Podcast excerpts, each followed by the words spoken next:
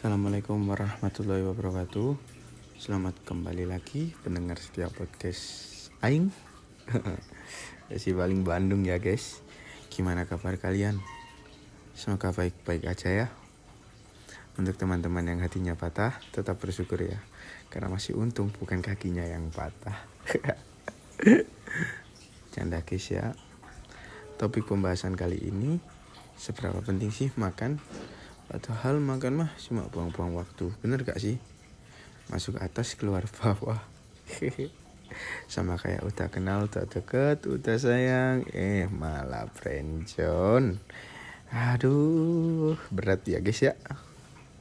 Jadi gini ya. Emang sih makan itu penting. Nek pikiranku gini. Makan memang penting. Tapi lebih penting kalian bernafas kalau kalian gak bernafas, mana bisa makan? Tapi, dek balik pikiran iku mau, hatiku iki lo menolak argumen. Iku mau. Nah, dek hati ngomong ini, rek. Hei, lihat. Iku ikan emang punya hidung. Kan makan gak harus punya hidung, tolol. Eh, anjir. Bentar. Kan bahas nafas, bukan hidung.